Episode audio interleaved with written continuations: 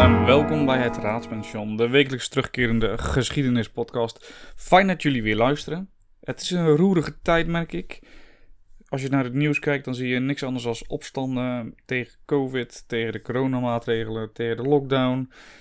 Dus het zijn bijzondere tijden waarin we leven. En natuurlijk, van de ene kant is het als historicus wel interessant om het te zien en mee te maken. Want dit komt ongetwijfeld terug in de geschiedenisboeken.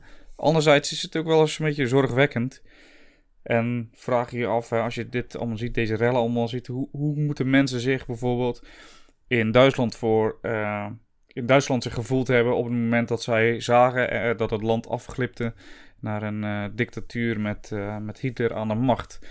overigens wil ik daarmee niet zeggen dat Nederland afglipt of afglijdt naar een dictatuur, helemaal niet zelfs. Ik geloof daar niet in. Ik geloof niet in de theorieën dat dit allemaal verzonnen is um, om de mensheid of Nederland onder de duim te krijgen. Daar geloof ik helemaal niks van. Er zijn natuurlijk ook ja, duidelijke verschillen tussen uh, hoe dat toen eraan toe ging en nu eraan toe gaat. Het doet me dan ook wel, wel pijn om te zien hoe mensen bijvoorbeeld de spertijd in de Tweede Wereldoorlog vergelijken met de avondklok die we nu kennen. Dat is natuurlijk een heel bijzonder, bijzondere vergelijking. Als je nu de staat op gaat om 9 uur, krijg je een boete. Um, Oké, hoge boete, volgens mij 95 euro. Maar dat is altijd nog beter als in het meest positieve geval naar kamp gestuurd te worden. En uh, in de meeste gevallen gewoon kaart neergeschoten te worden. Daarnaast hadden we natuurlijk een vreemde mogendheid uh, die ons dat oplegde. Nu hebben we een Tweede Kamer die daarover heeft gedebatteerd. Samen met de regeringspartij, de missionaire regeringspartij overigens. Dus dat is wel heel anders. Deze maatregelen zijn ook tijdelijk van aard. En 9 februari gaan we zien of ze echt verlengd worden. Ik vind het ook bijzonder. Je ziet ook wel filmpjes natuurlijk op social media. En ik heb het al eerder aangegeven in de podcast. Ik kijk nog te vaak naar social media. Maar ik ben dan toch benieuwd wat mensen drijft erachter. En het valt me dan toch op dat mensen zich nu ook zien echt als vrijheidsstrijders. Die strijden voor, ook voor iedereen's vrijheid. En dat is natuurlijk een mooi ideaal. Hè? We hebben natuurlijk in de 80-jarige oorlog hebben we ons vrij gevochten tegen de Spanjaarden. Dus van dat opzicht kan ik dat dan nog wel een beetje begrijpen. Maar ik heb niet het idee dat mensen echt doorhebben dat de vijand in dit geval niet de overheid is, maar een coronavirus waar we tegen aan het vechten zijn. En dus, maar je, ziet ook natuurlijk met die rellen, hè, ik wil er ook niet heel de podcast over hebben overigens, maar je ziet ook tijdens de rellen dat er meerdere groeperingen zijn hè, die gewoon eigenlijk willen rellen. Dus dat, het niks te maken heeft met uh, of het een virus is of een tegen coronamaatregelen of dat soort dingen. Maar dat het gewoon voetbalhooligans zijn die even denken van nou we gaan even rellen of uh, nou ja, dat soort dingen. Ik hoorde gisteren ook in de uitzending dat het uh, ook echt tegen de politie is. Geweld tegen de politie dus ja, dat, uh, dat vind ik wel uh, heftig om te horen. Maar goed, um, je zal altijd denk ik mensen hebben die, uh, die denken dat dat nodig is. Of die dat leuk vinden. Dat is helaas inherent aan de maatschappij waarin we leven en de democratie. En de rechten die mensen hebben verworven. Maar goed, laten we niet heel de tijd over corona stilstaan. Het enige wat ik nog wil zeggen is mensen alsjeblieft blijf thuis. zorg dat de besmettingen niet verder verspreiden. En heb vertrouwen in onze democratie, want uiteindelijk zal die hopelijk blijven overwinnen. Oké, andere, andere zaken. En was wel ik ben vorige week ben ik jaar geweest. Vorige week woensdag. Ik werd uh, eh, 37 jaar. Dat betekent dat ik in 1984 geboren ben. En dan heb je al een, ja, een stukje geschiedenis meegemaakt. En een luisteraar vroeg aan mij: Goh, zou jij niet eens gewoon wat vertellen over wat jij hebt meegemaakt? En ja, want je, zit best wel vol verhalen natuurlijk. Zeker nu als geschiedenisdocent kun je bepaalde zaken misschien wel plaatsen. Nou, dat lijkt me een leuk idee. Um, dus ik ga jullie gewoon meenemen uh, van mijn jeugd tot, uh, tot nu. En je merkt natuurlijk hoe ouder je wordt en naarmate er zaken dus ook in een geschiedenisboek komen, hè, dat is best wel confronterend, moet ik heel eerlijk zeggen. Toen ik de eerste keer les gaf over bijvoorbeeld 9-11, dacht ik, shit, dat heb ik gewoon meegemaakt. Ik heb gewoon meegemaakt dat die vliegtuigen in een gebouw vlogen. En nu staat het in geschiedenisboeken, moet ik het gaan uitleggen aan leerlingen die op dat moment nog niet eens in, in de zaadleider van hun vader zaten. Dus dat is wel, uh, ja, confronterend soms. Goed. In 1984 ben ik dus geboren en dat is natuurlijk de periode van de Koude Oorlog. Hè. We zitten nog in de Koude Oorlog, dus wel een wat ontdooiing in, tijdens die periode. Want in 1989, zoals jullie allemaal ongetwijfeld weten, is de Berlijnse muur gevallen. Ik zeg heel eerlijk, ik heb niet echt actieve herinneringen daaraan. Dus ik, ik kan me niet volhalen dat, dat er blijdschap was of dat... hè, die, ik was vijf volgens mij in 1989. Dus ik heb dat niet actief meegemaakt. In 1990 komen natuurlijk die twee Duitslanden samen. in 1990 was ik zes. Zat ik in groep 3, denk ik. Um, want daar zit je in als je zes bent natuurlijk. En ik kan me wel herinneren dat die oude kaarten er nog hingen. Volgens mij ook wel door de, door de tijd heen, zeg maar. Doordat ik, door de hogere groep heen zag ik wel de kaarten van die twee Duitslanden. Dus het oosten en, uh, en het westen. Die zag ik wel in de klas hangen. En uh, mijn vrouw bijvoorbeeld, die is iets ouder dan ik ben. En die weet nog dat ze dus Duitsland moest leren met twee hoofdsteden. Voor het oosten was dat natuurlijk Berlijn en voor het westen was dat Bonn. En die platen trouwens, die schoolplaten, dat zijn ook wel zaken die een beetje verdwijnen eigenlijk uit de schoollokalen. Die, die oude kartonachtige grote platen, soms getekend. Uh, ik vond die zeer mooi en indrukwekkend. En ik word ook blij van als ik ze nu nog zie. Uh, maar die verdwijnen volgens mij ook wel uit, uh, uit de scholen. Hè. Tegenwoordig zijn het echt posters of ja, ja, eigenlijk posters volgens mij die in de klaslokaal hangen. Wat wel, wat wel jammer is. Die schoolplaat hadden wel iets charmants, vond ik. Maar goed, dat is dus 1990 zitten we nu in. En in die tijd begon natuurlijk mijn eerste herinneringen. Die, die komen wel een beetje uit die tijd, zeg maar. Dus in 1993 uh, overstroomt Nederland, uh, of eigenlijk Limburg. En ik weet nog, ik zat in die tijd zat ik bij de, de reddingsbrigade. Ik was natuurlijk in 93 was ik, een, uh, was ik 9 jaar. Dus ik heb het wel gezien, maar ik kon natuurlijk niet helpen. Ik deed reddingszwemmen, maar nog niet zeg maar zo actief natuurlijk. Hè. Ik was pas 9. Maar dat was wel een moment dat ik dacht van wow, heftig. Ik weet dat het een natuurramp was, dat het heftig was, dat weet ik nog. En ik weet ook dat ik de, de bootjes zag van de reddingsbrigade en dat ik dacht bij mezelf van dat wil ik ook. Ik wil mensen redden, ik wil mensen helpen in nood. En in, um, er zijn natuurlijk een aantal uh, overstromingen nog geweest in die tijd overigens. Maar pas in 2002 was echt de tijd rijp. Toen was ik natuurlijk uh, was ik 18. En was echt de tijd rijp dat ik dat ook kon gaan doen. Ik zat bij de bootploeg, noemden ze dat, dus ik deed varen. En in 2002 overstroomde de Elbe in Duitsland. En mijn vader zei op een gegeven moment tegen mij: Kom, uh, Paul, we gaan naar Duitsland. We gaan, we gaan daar helpen. En uh, een, een, vriend van mijn vader en een vriend van mij uh, gingen met z'n vieren, gingen, stapten we in de auto. We hebben uh, de reddingsbrigade van uh, waar wij zaten, de reddingsbrigade Dordrecht, hebben we gebeld van kunnen wij materialen meenemen. Nou, dat konden wij konden bepaalde materialen meenemen. zoals een, een, reddingsvest en bepaalde pakken natuurlijk. Dat hebben we gedaan, hebben we in de auto geladen, zijn we naar Duitsland gereden. En bij Maagdenburg zijn we eigenlijk uitgestapt. Dat is in Oost-Duitsland. En dat is dan ook wel interessant om te zien, zeg maar, het, het, verschil tussen het oosten en het westen was toen nog heel duidelijk zichtbaar. Hè? We hebben het natuurlijk over 1990, dat, uh, dat de twee Duitslanden bij elkaar kwamen. En je weet, op het moment dat Oost- en West-Duitsland bij elkaar kwamen, namen ze ook dingen van elkaar over. Het, uh, het oosten kende opeens een, markteconomie, hè? dus er waren niet meer overal staatsbanen, dus niet iedereen had meer werk. Uh, de armoede was daar zichtbaar, de verpaupering was daar zichtbaar. En ook toen wij in 2002 naar Duitsland gingen, zagen wij aan de wegen bijvoorbeeld dat Oost-Duitsland gewoon echt een soort ja, achterstandsgebied, kan je het wel noemen.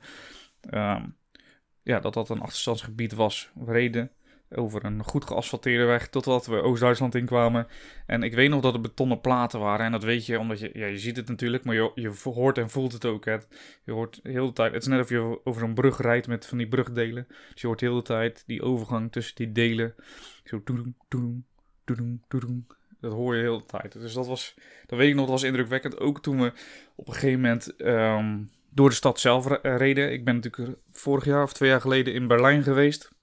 Nou, als je wel eens in Oost-Berlijn bent geweest, dan weet je hoe dat in het oosten gewoon eruit ziet. Echt een verpauperde buurt, oude huizen, um, echt oldschool, oude stijl. Uh, niet, niet zo modern. Uh, we zijn toen bij Potsdamer Plas geweest. Dat is natuurlijk een heel modern winkelcentrum, echt hypermodern. En daar dus het tegenovergestelde van. En dat kwamen wij dus ook tegen daar in het Maagdenburg. We werden daar uh, hartelijk ontvangen, moet ik zeggen, door de plaatselijke reddingsbrigade daar. Dat heet DLRG, weet ik nog. Ehm, en ja, we sliepen daar in een schoolgebouw. Uh, met heel veel mensen sliepen we daarin op allemaal stretchers. In zo'n uh, gymzaal eigenlijk, zo moet je het zien. En we waren eigenlijk net iets te laat en de rivier was al op het hoogste punt geweest. Um, maar wat ik me ook nog kan herinneren is dat we op een gegeven moment s'nachts wel wakker gemaakt werden. En werden in een, uh, in een soort vrachtwagen geladen. Van jongens, jullie moeten nu meekomen. We moeten een dijk gaan verstevigen. Die staat op het punt om, uh, om door te breken. Dus we moeten echt daarheen. Dus wij gingen daarheen met een hoop zandzakken. En we hebben eigenlijk die dijk met elkaar, hebben die dijk verstevigd hè, door gewoon zandzakken neer te gooien en dan weer een stukje verder een nieuwe zandzakken neergooien. En ik weet nog dat toen iemand zei, hè, want je komt toch een beetje op dat uh, Oost- en West-Duitsland kom je toch wel op natuurlijk. Um, ook als je daar bent heb je ook gesprekken natuurlijk met die, met die mensen daar. Dat zou heel raar zijn als, als dat niet zo was. En ik weet nog dat die, uh, dat die jongen zei, weet je, uh, tien jaar geleden kwam hier gewoon een truc met Russische soldaten. En die flikkerden gewoon heel die dijk vol met zandzakken. En die reden weer weg. Nu moeten we het allemaal zelf doen. Dus dat is ook zo'n zo'n verschilletje. Hè? We, als, West, als Westen vinden we onszelf natuurlijk altijd superieur. En met de samenkomst van Oost- en West-Duitsland vinden we natuurlijk dat Oost-Duitsland getroffen heeft. En dat hebben ze waarschijnlijk met bepaalde vrijheden natuurlijk ook wel. Maar andere zaken in het, in het in het leven, ja, die zijn gewoon wel heel anders geworden. Uh, mensen moeten dingen zelf gaan regelen in plaats van dat een overheid dat regelt. Zoals bijvoorbeeld gewoon een dijk verstevigen met zandzakken. Dat moeten in één keer de plaatselijke reddingsbrigade doen, allemaal vrijwilligers. Uh, terwijl voorheen natuurlijk gewoon het leger daar kwam. Dus dat was wel, ja, vond ik wel heel interessant om te zien. En op dat moment, zeg ik heel eerlijk, ik was, ik was 18 volgens mij, was het natuurlijk voor mij niet zo dat ik dacht van oh, dat, kijk, dat zijn dus die verschillen. Of, uh, of ik ging ook niet actief het oosten en het westen vergelijken met de historische blik die ik nu natuurlijk wel heb. Maar toch, nu ik daarop terugdenk, zijn dat wel interessante, interessante punten. Interessant misschien ook om te vertellen. En, historisch gezien natuurlijk helemaal niet. Had ik daar mijn eerste vakantievriendinnetje, in zoverre je het natuurlijk vakantie kan noemen. Uh, maar goed, uh, na een week uh, overheen heen sms'en. En wat deden toen? sms'en. Werd het stil en verloor ik de Duitse liefde van mijn leven. Nee, dat is natuurlijk een grapje, maar ja, dat was natuurlijk voor mij persoonlijk wel grappig om mee te maken dat daar een meisje zat die mij wel leuk vond. In ieder geval, zover even die overstroming. Dat is wel echt een actieve herinnering die ik heb. Ik vond het ook heel indrukwekkend om dat met mijn vader en een vriend van mijn vader en een vriend van mij te doen. dat we met z'n vier daarheen reden ook. Dus ik hoop dat ik daar een klein beetje verschil heb gemaakt. Oké, even, even terug nog naar uh, 1990, 1991, de Golfoorlog. Um, weinig herinneringen aan. Ik weet nog wel dat ik een tank zag op tv en dat ik dacht van wow, vet, weet je wel. Ik was natuurlijk een jongen, uh, G.I. Joe's en dat soort dingen. En ik zei dat ook zo, vet, een tank. En toen uh, weet ik nog dat mijn vader zei, nou dat is helemaal niet vet. Uh, mensen gaan echt dood in, een, in de oorlog. Nou, Golfoorlog was natuurlijk Irak die Kuwait binnenvalt en dat de coalitie eigenlijk ja, Kuwait weer wil bevrijden. Heel mooi natuurlijk, wat wel uh, een leuk detail is, wat ik toen natuurlijk helemaal niet wist, maar nu wel, is dat Irak ook vocht met de wapens die ze van het Westen hadden gekregen. Eigenlijk maar slechts een paar jaar eerder, toen Irak natuurlijk een achtjarige oorlog met Iran aan het uitvechten was. Dus dat zijn wel bijzondere details die je zeker op dat moment natuurlijk niet weet. Zeker niet in uh, 90, 91, hè, dat je net acht jaar of zes jaar oud bent dat, dat, daar denk je daar helemaal niet over na. En denk dat mijn ouders het misschien ook niet wisten. Maar goed, uh, achteraf gezien is dat natuurlijk wel interessant. Eigenlijk, uh, we, die overstroming was in 2002. En in 2001 gebeurde natuurlijk iets supergroots. Echt iets wat, wat ja, echt ongekend was. Um, want tot die tijd en misschien kan je dat als je zeg maar daarna geboren bent of nog geen actieve herinneringen hebt aan die tijd, kan je dat misschien niet herinneren. Maar tot 2001 denk ik dat de wereld zich redelijk veilig voelde. Zeker hè, toen de Duitslanden bij elkaar kwamen. Koude oorlog was min of meer voorbij. Werd er gezegd, de Berlijnse muur was gevallen. De wereld was een veilige plek. We voelden ons allemaal veilig in Europa. Laat ik dat even vooropstellen. In Europa voelden we ons veilig. Ons leventje kabbelde voort. De economie was goed. Uh, nou ja, goed. We konden het, het kon niet beter. Tot 2001. Toen werden we gewoon wel keihard wakker geschud. En uh, ja, jullie weten het hopelijk wel. Uh, 9-11. Ik weet nog precies waar ik was. Um, ik was bij een vriendin in eh, Rotterdam, was ik blijven slapen. En ehm, ja, op een gegeven moment moest de tv aan, want ja, er was wel iets heftigs gebeurd. En nou, kijken. En ik, weet, ik, ik, kan me het moment nog herinneren dat de eerste toren, die, was, die stond in de brand. En er werd al gesproken, nou, dit is waarschijnlijk een terroristische aanslag.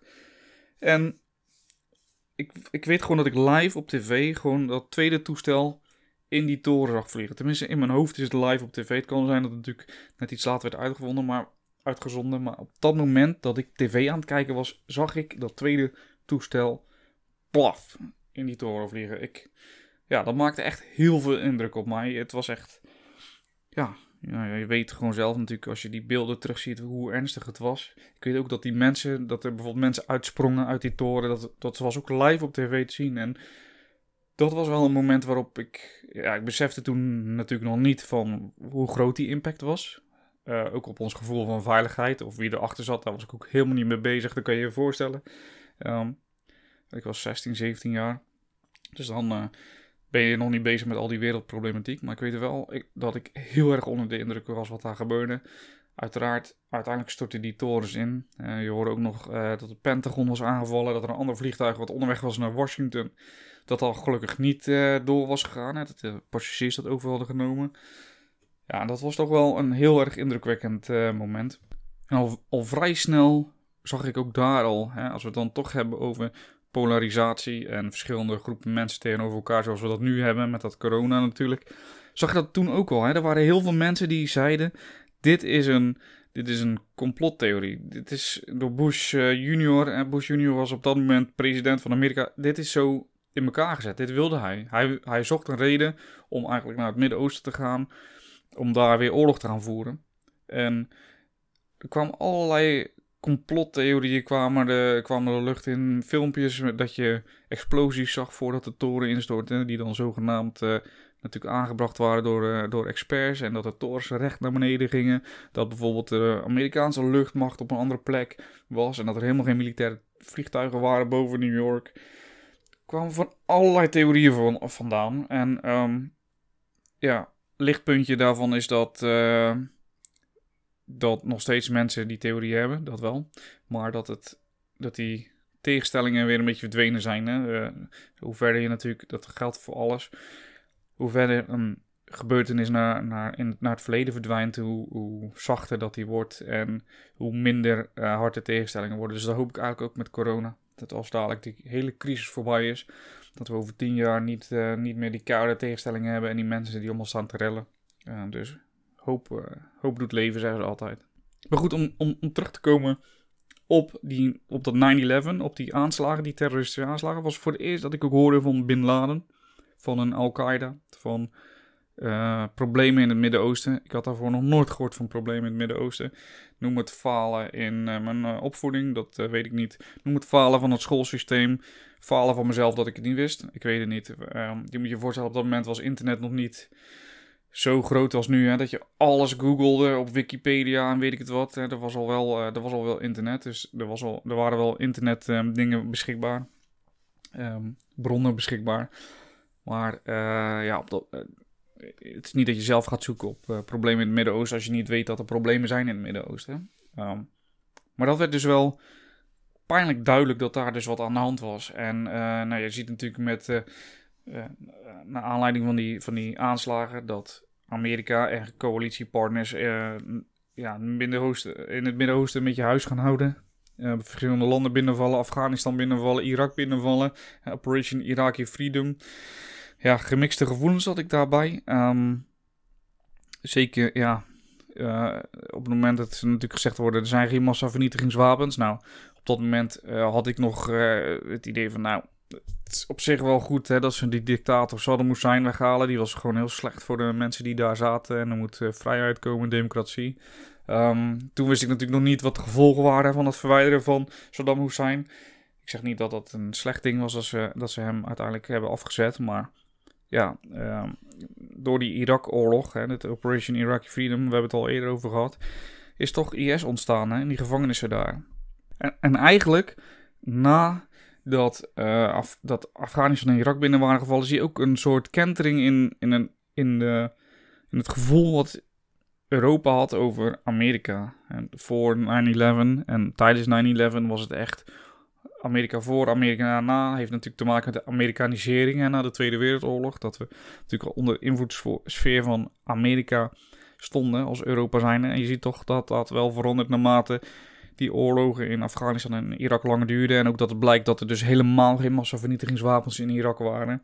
En uh, ik weet ook nog het moment dat er een keer iemand zei, want ik zei van ja, weet je, het is toch logisch dat we naar dat land gaan om uh, te kijken of daar geen massavernietigingswapens waren. En toen zei iemand tegen mij, wat nou als het Nederland was? Dus ik zei, hoezo, wij hebben geen massavernietigingswapens. Nee, maar Irak heeft ook geen massavernietigingswapens. En wat nou als Amerika tegen Nederland zegt, jullie, ja, jullie moeten gewoon dit doen. Wij, wij willen dat jullie dit doen, dus doe dit. Hoe zou je dat vinden? Nou ja, Zeker met de kennis van nu, als we kijken naar de coronacrisis, dan denk ik dat er heel weinig mensen daar heel enthousiast van worden als een ander land gaat vertellen wat jij in je eigen land moet doen. Uh, ook tegen de, uh, hoe Brussel nu uh, gezien wordt en de Europese Unie, dat er ook heel veel mensen daar tegen zijn. Wat overigens ook interessant is natuurlijk, gezien na de Tweede Wereldoorlog zie je toch dat, dat Europa zich verenigt en steeds sterker wordt. En, en we moeten samenwerken en dat wordt steeds harder en steeds ja, steeds concreter en uh, grotere plannen en een soort Europe, eigenlijk een soort United States of Europe moeten gemaakt worden. Dus er is echt heel veel wil om een groot sterk Europa te maken. In tegenstelling tot nu. Maar daar kom ik, daar kom ik nog later op hoe dat misschien verlopen is. Waarom dat zo gelopen is. In ieder geval nu even terug naar die oorlog in het Midden-Oosten. We weten allemaal de beelden van Saddam Hussein en de gevolgen hè, van, die, van die invallen. Goed, 9-11 was natuurlijk niet het enige um, voorbeeld van dat er onvrede was richting het westen vanuit het Midden-Oosten. We weten allemaal um, dat Pim Fortuyn is natuurlijk vermoord. Um, dat was dan een linkse activist. Hè. Ik, weet, ik weet nog heel goed dat dat gebeurde. Ik zat in de auto en uh, ja, hij was bij Ruud de Wild geweest in de ochtendshow of in de middagshow volgens mij. En ik weet nog, ik had examen gedaan, uh, een Rensbrigade examen, iets met varen of ik weet niet meer 100% wat het, wat het was. Ik weet nog dat ik in de auto zat en dat toen het bericht kwam dat hij vermoord was. En ik, ja, op dat moment waren natuurlijk al, hè, Pim Fortuyn was vrij duidelijk in zijn uitspraken tegen uh, uh, de islam. En um, ik weet nog dat ik toen echt dacht van, oh mijn god, ik hoopte echt van, laat dit alsjeblieft geen aanslag zijn. Want dan, dan dondert het hele land uit elkaar. En um, ja, ik weet niet of je van gelukkig kan spreken als iemand vermoord wordt. Maar het was in ieder geval een, een linkse uh, activist die hem vermoord heeft. Uh, Theo van Gogh natuurlijk, uh, wel vermoord door een moslim-extremist. Vond ik ook heel indrukwekkend. Ehm, ik, ik, in mijn hoofd, ik weet niet of het, of het klopt wat ik zeg hoor, maar in mijn hoofd zag ik ook de foto van hem liggen met een mes in zijn, in zijn buik. Misschien dat er al een deken overheen lag, maar ik kan me dat wel voorstellen. Ik vond dat ook heel heftig en dat was ook wel voor mij, dat ik dacht van ja, dit, dit vind ik niet, dit is echt wel ja, ik vond het natuurlijk allemaal niet oké. maar dit was echt wel dat ik dacht van ja, hallo, uh, we hebben gewoon vrijheid van meningsuiting. Die moet, dat moet je gewoon respecteren. En, en dat, dat is wel echt iets wat ik met uh, Theo van Gogh uh, kan herinneren. Dat ik daar echt actief mee bezig was. Van het, ja, hallo, vrijheid van mening. We zijn toch gewoon een vrij land. We kunnen toch gewoon dingen zeggen. En we kunnen toch met elkaar praten over zaken. we kunnen discussiëren. Dat kan allemaal, maar wel gewoon met respect. En iemand neersteken getuigt natuurlijk uh, totaal niet van respect. En dat was ook, vond ik ook wel schokkend. je merkte toch, ook de angst in de samenleving werd gewoon groter. Hè? Dat, dat veilige gevoel wat we hadden na de val van de Berlijnse muur. Hè, dat in Europa is, dat veilige gevoel dat met 9-11 al flink op de grondvest stond te schudden. En na die aanslagen, uh, of die aanslag op Theo van Gogh en, en Pim Fortuyn natuurlijk. Um, ja, die, dat veilige gevoel was gewoon ja, was weg kan ik wel zeggen. Het was, het was er gewoon niet meer. Eh, toch een periode van angst. Ook aanslagen in Londen zijn er nog geweest. Um, uh, en, en toch is het interessant om te zien. En daar heeft uh, Beatrice de Graaf heeft mij daar wel op gewezen. Niet persoonlijk natuurlijk, maar toen heeft zij een hoorcollege gegeven in de Wereld Draait Door over terrorisme. Is ze toch laten zien dat het ons gevoel eigenlijk niet helemaal terecht is. En Europa is een vrij veilige plek als je kijkt eh, met betrekking tot de, tot terroristische, aanslagen. En er is ook hoop. Um, en we zien nu dat IS de laatste bolwerken verslagen zijn. En uh, nou, met je fingers crossed hoop ik gewoon dat er, uh, dat er geen aanslagen meer gepleegd worden. Maar nu zie je weer een andere onvrede die naar boven komt. En dat heeft weer te maken met de economische crisis. Kijk, je moet je voorstellen, in Europa en het Westen, zeker in Nederland, zijn de inkomensverschillen vrij laag als je dat bijvoorbeeld vergelijkt met Amerika. Toch zag je al vanaf Pim Fortuyn ook, hè, die benoemde dat ook, die, die, die tweestrijd in de samenleving, dat er een doelgroep is in de samenleving die zich niet gehoord voelt, die zich uh, achtergesteld voelt. En je ziet dat nu nog steeds, je ziet die groepen nog steeds naar voren komen, uh, die stemmen ook vaak uh, op de PVV. Um, Forum vind ik dan vind ik een beetje mengelmoes, want dat, dat is volgens mij niet echt één doelgroep die erop stemt. Uh, in, de zin van, het zijn vaak mensen die tegen de huidige overheid zijn, maar PVV vind ik toch vaak, vaak ja, vrij extreem. Hoewel de, het Forum natuurlijk ook wel zijn best doet. Maar goed, even terug. Um, in die tijd, hè, we zien op een gegeven moment de economische crisis. 2007, kredietcrisis, IceSafe uh, donderstraalt onderuit. Hè, die bank in IJsland, heel veel mensen zijn heel veel geld kwijt. Um, ook in Nederland zien we een kredietcrisis, ontslagen, werkeloosheid. Nou ja, het is niet, uh, geen raketwiskunde als je natuurlijk zegt dat tijdens economische crisissen vaak tegenstellingen worden vergroot, dat er vaak meer onrust is. Uh, bepaalde bevolkingsgroepen krijgen de schuld van, van een crisis. Nou, beurskracht is natuurlijk een goed voorbeeld daarvan, uh, waarbij natuurlijk de Joden de schuld kregen. Nou, ik heb wel het gevoel dat het een beetje zich herhaalt hè, met de economische crisis toen de tijd dat, dat vooral buitenlanders de schuld kregen. Ook natuurlijk had het niet echt, hielp het niet echt op het moment dat er, dat er natuurlijk aanslagen kwamen. Dus um, ja, nogmaals, die veilige bubbel waar we eerst in leefden en die uh, van oh we doen het allemaal samen, blij, leuk. Dat, dat, ja, dat stopte toen de tijd wel. En dat, dat vind ik nog steeds heel jammer, maar ik denk dat we daar nog wel naartoe kunnen. Um, je ziet natuurlijk met de economische crisis, daar zijn we weer uitgekomen. Uh, dat gaat steeds, uh, ging steeds beter, moet ik zeggen. Helaas hebben we nu dan de coronacrisis. Ik denk dat de coronacrisis nog wel een veel zwaardere crisis is voor mensen dan de economische crisis. Uh, gewoon omdat het op sociaal leven, hè, op het sociale leven heeft het veel meer invloed. Maar ook op de economische op het economische vlak heeft het veel invloed. Hè? Met de economische crisis zie je dat mensen wel hun huizen verliezen, maar je kan tenminste nog naar andere mensen toe. Je kan nog praten, je kan nog, weet ik veel, samenkomen. En nu zie je dat mensen zich ook in één keer aan avondklokken moeten gaan houden. Dat je niet meer samen mag komen, niet meer knuffelen, weet ik veel, dat soort dingen. En je bent je baan kwijt, ja, dan, dan, ja, dan is het gewoon stront aan de knikker, om het zo maar te, te zeggen. Overigens was die uh, kredietcrisis in 2007 niet de enige crisis. Je ziet dat er ook nog een internet-zeepbelcrisis rond het jaar 2000 is geweest. Hè. Je zag dat uh, internet natuurlijk echt opkwam. En dat heel veel mensen naar de beurs gingen, of heel veel uh, bedrijven naar de beurs gingen. En aandelen werden gekocht, bedrijven zouden meer waard worden. En op een gegeven moment spatte die, die bel uit elkaar. Hè. Bedrijven werden niet meer waard, je kan maar zoveel investeren in bedrijven. En, en toen hadden we ook een mini-crisisje. Ik moet zeggen, ik heb zelf heel veel geluk gehad. Ik ben altijd rijksambtenaar geweest. Um, dus ik heb de wat werkeloosheid heb ik er natuurlijk um, weinig van meegemaakt. En nu zeg ik ook heel eerlijk, uh, ik heb geluk. Ik werk voor een, voor een scholengemeenschap, dus daar zal altijd werk in blijven. Dus of het nou coronacrisis is, economische crisis of weet ik veel wat. Ik heb geluk, ik kan mijn baan behouden, dus ik kan ook niet praten over mensen die nu dankzij de coronacrisis uh, hun baan verliezen. Ik begrijp dat dat heel zuur is natuurlijk. Wat overigens ook interessant is, is dat in, in 2001 pas de eerste voedselbank werd geopend in, in Rotterdam. En uh, ik, zeg, ik, ik, zeg eerlijk, ik heb dat niet bewust meegemaakt, maar ik vond het wel een bijzonder iets om, om mee te maken. Ik denk dat ook een, ja, weet je, een, een, teken is van uh, onze maatschappij. Hè? Want we kunnen nu heel zagrijnig doen en, moeilijk doen en zeggen wat we willen. Uh, maar ik heb het al eens een keer eerder gezegd. Hè, de, de beschaving kenmerkt zich door hulp aan, aan anderen. Aan zwakkeren in de maatschappij. En dat is ook nu in deze crisis, deze coronacrisis, wat we aan het doen zijn. We zijn de zwakkeren in onze maatschappij zijn we aan het beschermen.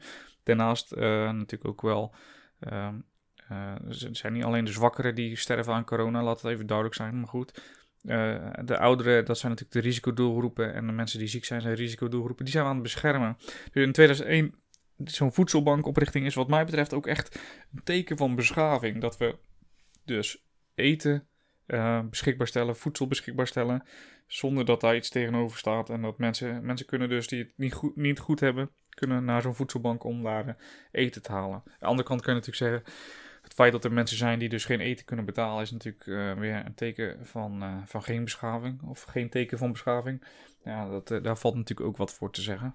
Interessant is natuurlijk ook dat, dat ja, in mijn tijd, de tijd dat ik opgegroeid vanaf 2000 tot, tot nu eigenlijk, dat de global warming, dat dat steeds realistischer wordt. Dat dat steeds meer naar voren komt. Hè? En als we dat heel klein maken, als ik kijk naar mezelf, naar mijn jeugd, en het is kerst, dan sneeuwt het. December sneeuwt het. Nou, eh, het heeft al in jaren meer in december gesneeuwd. En uh, het wordt steeds warmer. Ik, ik heb echt al jaren geen, witte kerst meer meegemaakt. Met, uh, ik geloof hier en daar een uitzondering een keer. Maar dat is natuurlijk wel uh, dat, vond ik, dat vind ik heel bijzonder om mee te maken. Dat die, dat die global warming, dat die er toch is. En dat er toch ook mensen zijn die het ontkennen dat het, dat het niet kan. Nou ja, als je natuurlijk historisch gezien kijkt. Hè, uh, er zijn een hele tijd ijstijden en warme tijden. En weer ijstijden en warme tijden. En de temperatuur fluctueert altijd. Maar nooit zo snel en zo hard als dat we nu zien. Hè. Dus is het geheel gemaakt door de mens? Nee, dat is het niet. Het is niet alleen door de mens uh, veroorzaakt. Maar het wordt wel enorm versneld en versterkt door de mens. En daar hebben we wel een, een taak in om daar iets mee te doen. Um, en het grappige is ook dat je natuurlijk steeds meer hybride auto's uh, ziet. Nou, ik denk als ik uh, in 2000 had gehoord van een elektrische auto, dan had ik je voor gek verklaard. Maar nu zie je ze steeds meer rijden. Wat wel bijzonder is overigens is dat die elektrische auto al in 1880 is uitgevonden. Dus dat is al een, uh, een heel poos. Die bestaat al een hele tijd. En ik denk als we daar meer hadden in, uh, ingestopt, hadden we nu allemaal al elektrisch gereden. Maar goed, het bleek natuurlijk dat de com combustion engine, de, de, de verbrandingsmotor, dat die veel meer op dat moment veel efficiënter was uh, dan de elektromotor van toen. Maar hey, um, er zijn ook leuke dingen gebeurd. Ik heb ook hele leuke herinneringen aan mijn jeugd. Nu klinkt dit een beetje een opeenstapeling van heftige gebeurtenissen. Maar er zijn ook echt super leuke dingen gebeurd. Ik weet nog namelijk dat in. Uh, en dat is niet mijn eerste leuke herinnering, moet ik zeggen. Maar wel eentje die echt, vol, echt gewoon volop uh, voortkomt. Ook door Jack Vergelden. Hè, 1998. Het. Uh, uh, het WK 98, waarin we natuurlijk doorkwamen uh, tegen Argentinië in halve finale. En Dennis Bergkamp dat iconische doelpunt maakte, dat weet ik nog. Ik weet nog in 96 overigens de Champions League uh, Ajax, dat, dat, dat ze wonnen. Ik weet nog dat mijn ouders daar naar zat te kijken. De opkomst van internet is natuurlijk ook heel belangrijk. Dat, dat als ICT-wiskit, ja, weet ik veel hoe je dat noemt, heb ik dat natuurlijk actief meegemaakt. We begonnen echt met een ja, een website met uh, alleen tekst. Uh, ging het over naar een website met wat plaatjes gemaakt vanuit tekens. Um, ik weet nog dat je in moest bellen natuurlijk in het begin met een, met een telefoonlijn. Dat het allemaal gekke geluidjes maakte. Ik weet nog dat um, ik zat op een soort forum zat ik. En dat was een website en dan... Post je een berichtje en dan moest je de hele tijd refreshen om te zien of iemand uh, daarop gereageerd had. Dat was dus niet, ja, het was een forum, ook, het was meer een chat forum hybride vorm eigenlijk. Maar het grappige, of het grappige, niet, voor mij was het niet zo heel erg, maar voor mijn ouders niet, is dat op het moment dat je natuurlijk een website refreshed, telde dat als een soort telefoontik. En ja, mijn ouders hadden dus op een gegeven moment een uh, telefoonrekening van een paar duizend euro vanwege die telefoontikken. Gelukkig werd vrij snel eh, ADSL toen geïntroduceerd, hè, dat je digitaal uh, telefonie, digitaal bellen. En daarbij waren dus niet meer die analoge telefoontikken belangrijk. Um, en dan zie je dat de opkomst uh, van programma's als IRC, ik weet niet of jullie dat kennen, IRC, een soort chatprogramma. Um, Napster natuurlijk, het downloaden van mp3'tjes, uh, later natuurlijk met Casa. En dan zie je ook dat, filmpje, dat je films gaat downloaden. Um, iedereen kan zich nog wel herinneren dat ze een, een filmpje downloaden en dat het dan uiteindelijk na vijf minuten een pornofilm wordt. dat, is, ja, dat is inherent aan die tijd. Je ziet natuurlijk MSN opkomen. ICQ is nog. ICQ, chatprogramma, heb ik heel veel gebruikt. Hele goede herinneringen aan ook. Eh, MSN kwam wat later, maar ook veel gebruikt. Opkomst van Hives. Uh, eh, CO2 natuurlijk. Ik weet niet of jullie dat kennen. CO2 is een soort voorloper van Hives. Dat je een soort profielpagina had. Het lijkt meer op Facebook dan echt Hives volgens mij. Dus ja, dat zijn allemaal leuke dingen natuurlijk. Hè. wat dacht je ervan van de huwelijk van, uh, van Oranjes? Vond ik ook heel leuk om te zien. En als we dan natuurlijk toch over huwelijks hebben. Het, het eerste homohuwelijk in 2001. Hoe vet was dat? Dat, dat, gewoon, dat je gewoon mocht trouwen met iemand waarvan je, van je hield, zeg maar. Nou, dat, dat is natuurlijk... Ik zelf vond dat echt super vet. En wat ook wel grappig is daarin, is dat je toch ook weer een golfbeweging ziet. Hè? De jeugd van toen was heel open, heel vrij, heel, alles moest kunnen, alles mocht, alles kon. Uh, vrouwen die op het strand waren altijd topless. En je ziet toch dat daar ook weer een verschuiving is in, in de jeugd van nu. Dat die weer wat behoudender worden. Dus je ziet daar ook weer een, een verschuiving in. Dat het topless is helemaal gek. Je, je gaat er niet in je blote titel op het strand liggen. Um, dus je ziet dat dat toch weer een beetje teruggaat. Hè? Zo zie je een golfbeweging. En dat heb je natuurlijk ook in de politiek. Hè? Dat een bepaalde partij die eerst progressief was, die wil zich dus vasthouden aan die idealen van toen. En wordt dus conservatief. Terwijl dat andere mensen die dus eh, eerst conservatief waren, uh, waarbij dus de samenleving veranderd is, dat ze weer verandering willen in die samenleving, dus dan op dat moment weer een beetje progressief worden. Um, dus je ziet dat gebeurt ook, is ook gebeurd dus in mijn leven, dat, dat er eerst vrijheid, blijheid en gelijkheid. En je ziet dat toch weer een beetje ja, anders worden. Nou wil ik niet zeggen dat de jeugd van nu slechter of beter is als, uh, als hoe, wij het hadden of hoe wij waren. Maar alleen maar dat er een verandering is. Ja, ik, zo heb ik dus als 37-jarige veel meegemaakt met als dieptepunt het overlijden van mijn vader in, uh, in 2004, heftig, aan darmkanker. Uh, er is nog steeds geen geneesmiddel voor. Uh, darmkanker is vaak een dodelijke ziekte. het was gelukkig maar een paar procent erfelijk, dus de kans dat ik het heb is, is klein. Um, maar ja, ook op het gebied van geneeskunde is natuurlijk veel gebeurd. Hè? Uh, kanker dan, deze vorm van kanker niet. Maar uh, AIDS bijvoorbeeld kan uh, nu vaak een chronische ziekte zijn. In plaats van dat het echt helemaal dodelijk is. Of HIV moet ik natuurlijk zeggen. Dus ook op geneeskundig gebied zie je veel vooruitgang. Ik denk dat als we nu kijken naar het corona, stukje corona. Dan denk ik dat we, als we onze, ja, onze resources, onze middelen, de landen samenwerken. Dat er veel meer mogelijk is om ziektes uh, te tackelen. Dus dat, uh, dat denk ik, dat geloof ik wel. Ik denk dat we dat wel kunnen leren uit deze coronacrisis. Goed, uh, we zijn nu een beetje, ja, ik ben nu een beetje aangekomen naar het nu. En ik maak het nu allemaal heel bewust mee. Ik ben natuurlijk geschiedenisdocent geworden. Ik, ben, ik, ik, ik bekijk regelmatig geschiedenisdingen. Ik vergelijk zaken met elkaar. En ik hoop en ik geloof dat we uit deze crisis sterker kunnen komen. hopelijk met elkaar. Dus heb vertrouwen, heb uh, geloof. Um, ik geloof niet in, uh, in conspiracy theorieën. Ik geloof niet dat de overheid ons probeert onder de duim te krijgen. Dat we een chip ingeplanteerd krijgen van Bill Gates. Daar geloof ik allemaal niks van. Um, maar misschien word ik wel ongelijk, uh, wordt mijn ongelijk wel bewezen. Uh, dan alvast mijn excuses. Hetzelfde als natuurlijk met het geloof. Ik geloof niet echt in een God. Maar wie weet sta ik als ik dood ben voor de hemelpoort. En staat God of Jezus mij daar uit te lachen van ah, je had ongelijk dan alvast mijn excuses. zo simpel is het. Nee, maar ja, uh, zo zie je, met 37 jaar kan je al best wat uh, meegemaakt hebben. En uh, het meest indrukwekkende vond ik ook nog wel het gesprek wat ik met mijn oma had. mijn oma heeft natuurlijk de Tweede Wereldoorlog nog meegemaakt. En er werd natuurlijk niet veel over gesproken. En op een gegeven moment moest ik voor mijn opleiding moest ik met haar een gesprek voeren over die Tweede Wereldoorlog. Over hoe dat dan ging, hoe zij dat heeft beleefd. En dat vond ik ook super indrukwekkend. Um, dus ik ben ook heel dankbaar dat mijn oma zich daarvoor uh, openstelde. Um, ja.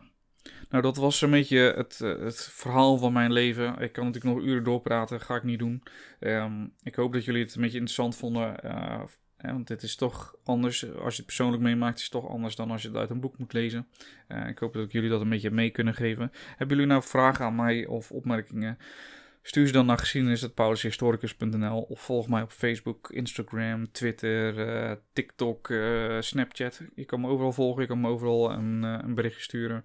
En um, dan hoop ik dat ik jullie volgende week weer terugvind in deze podcast. Hartstikke bedankt voor het luisteren en tot volgende week.